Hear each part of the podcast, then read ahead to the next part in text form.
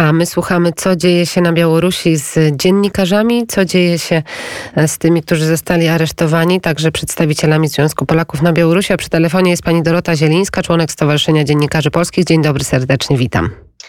Dzień dobry, witam. Dzień dobry. Jak właśnie wygląda sytuacja Polaków na Białorusi dzisiaj, jeżeli chodzi o dziennikarzy, a także właśnie przedstawicieli ZPB? Y, sytuacja wygląda niestety fatalnie, to znaczy aparat y, białoruskiego reżimu już y, stracił chyba ostatnie jakieś poczucie przyzwoitości, no i wsadza do więzienia wszystkich jak leci pod coraz bardziej absurdalnymi e, pretekstami.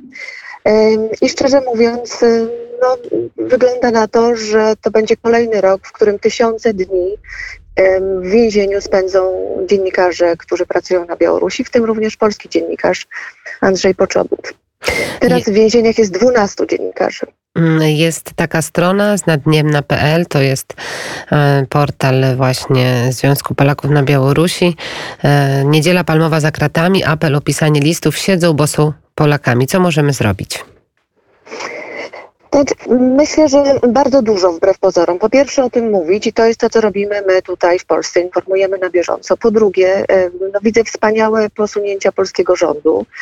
Mm, no właściwie i prezydent, i premier apelują na całym świecie o to, żeby e, również inne rządy i międzynarodowe agendy działały w sprawie uwolnienia Polaków i w sprawie uwolnienia dziennikarzy. Najbardziej podoba mi się pomysł zakazu wjazdu do Polski sędziów, którzy skazują. I tutaj minister Dworczyk, który ogłosił w zeszłym tygodniu zakaz bezterminowy wjazdu dla sędziego, który skazał Angelikę Borys, no moim zdaniem zasługuje na wielkie brawa i uznanie.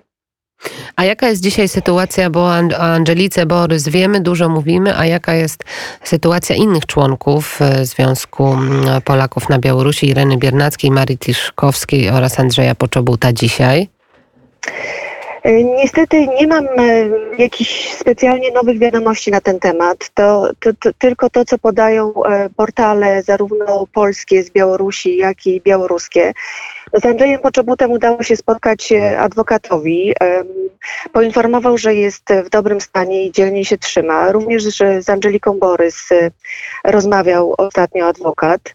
E, co do dwóch pań, o których pani wspomniała, ni niestety nie potrafię powiedzieć, jaka jest sytuacja. Wiem natomiast, że o pomoc prawną, szczególnie dla dziennikarzy, dba Białoruskie Stowarzyszenie Dziennikarzy i tę pomoc z całą pewnością e, wszyscy dziennikarze prawną mają.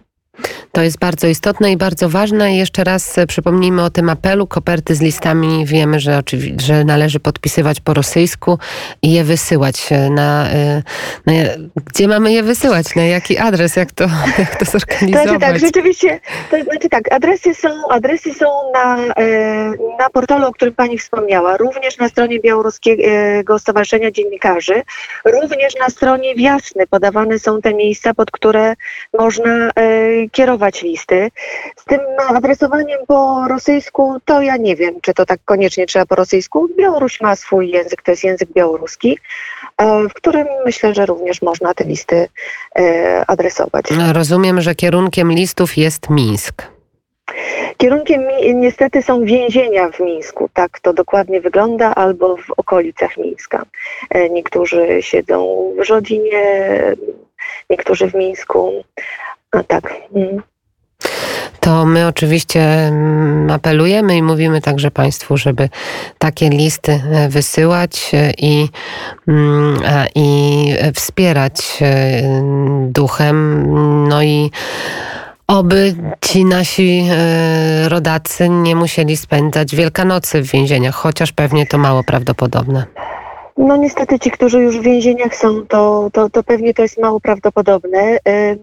Niemniej jakby codziennie są nowe represje, więc im więcej my będziemy mówili na temat tych represji, tym mniejsza szansa na to, że kolejni Polacy, kolejni dziennikarze białoruscy będą do tych więzień trafiać. Oby tak było. Walczmy o nich, walczmy o nich. Mm, oczywiście, że tak. E, oby tak było, e, żeby nie trafiali e, i, i żebyśmy nie musieli mówić o takich akcjach na naszej antenie jak najmniej. Bardzo dziękuję. Dorota Zielińska, Stowarzyszenie Dziennikarzy Polskich, która aktywnie monitoruje i zajmuje się też tymi sprawami mm, za granicą. Dziękuję bardzo za rozmowę. Dziękuję bardzo. 8.59 za kilka minut, za minutę Adrian Kowarzyk i już najświeższe wiadomości z Polski i ze świata. Helena Gruszewska, Mikołaj Poruszek, Magdalena Uchaniuk. Bardzo dziękuję za dzisiejszy poranek wnet, a my słyszymy się jutro w audycji 4 po pierwszej.